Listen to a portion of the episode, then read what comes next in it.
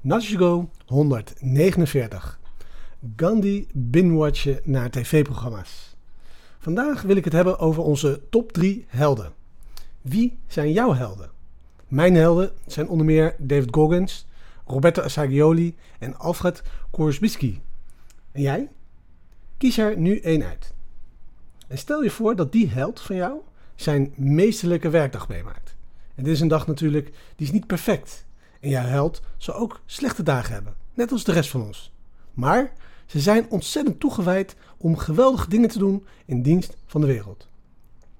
Kun je je voorstellen dat iemand als een Gandhi of Marcus Aurelius of een Moeder Teresa elke dag, hun hele dag, hun hersenen opblazen met pushberichten, obsessieve social media en bingwatchen naar de nieuwste Netflix-serie?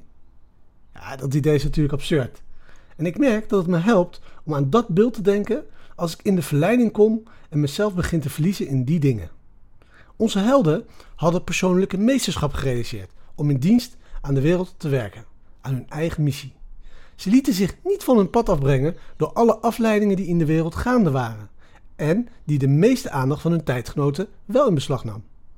En heel belangrijk, ze waren bereid om het hele harde werk te doen om op een hoog niveau van meesterschap te komen, zodat ze hun aandacht konden richten op wat echt belangrijk voor hun was.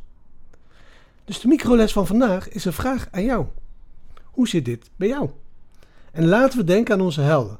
Stel je voor hoe zij hun dag tegemoet gaan. En ga nu jouw dag tegemoet.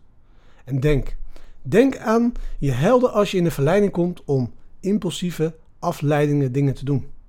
Maak jezelf en je helden dan trots terwijl je ervoor kiest om met de hoogste, meest nobele en heroïsche versie van jezelf steeds jezelf consequenter uit te drukken.